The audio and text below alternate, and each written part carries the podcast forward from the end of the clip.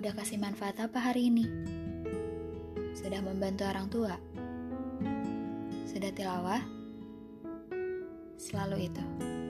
Itu yang selalu mama sama ayah bilang setiap pagi kalau anak-anaknya udah siap-siap ngedrakor, main HP, nge-youtube, atau rebutan remote TV. Kadang kesel juga kalau setiap hari diingetin terus kayak gitu.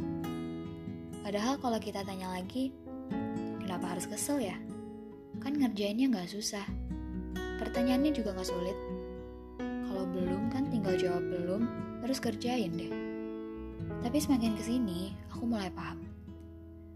Ada prioritas yang akan selalu di atas kedudukannya tanpa bisa digantikan. Ada sesuatu yang sebenarnya boleh dikerjakan, boleh tidak, tapi ketika menjadi suatu keharusan bagi kita, kita nggak akan pernah ngerasa sendiri dan selalu punya superhero di kala kita kesulitan.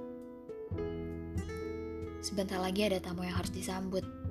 Udah siapkah untuk menyambut? Akan melakukan apa saja nanti? Tamu yang akan datang ini tamu jauh loh. Seringkali dirindukan keberadaannya. Tapi ketika sudah datang, sebagian dari kita sering kali nyuekin, bahkan nganggap gak ada. Terus apa yang bisa kita lakuin? Kalau kamu tanya, kapan sih aku bisa dapat bonus besar-besaran? Ini waktunya.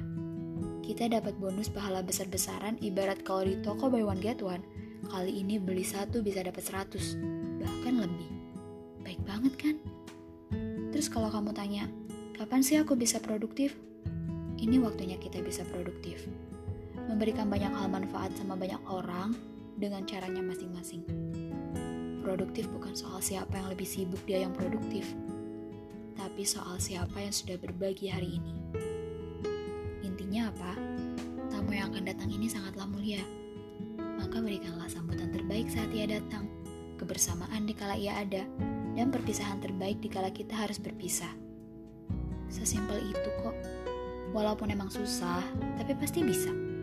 Selamat menyambut hari itu. Jangan lupa pasang target terbaik kalian ya.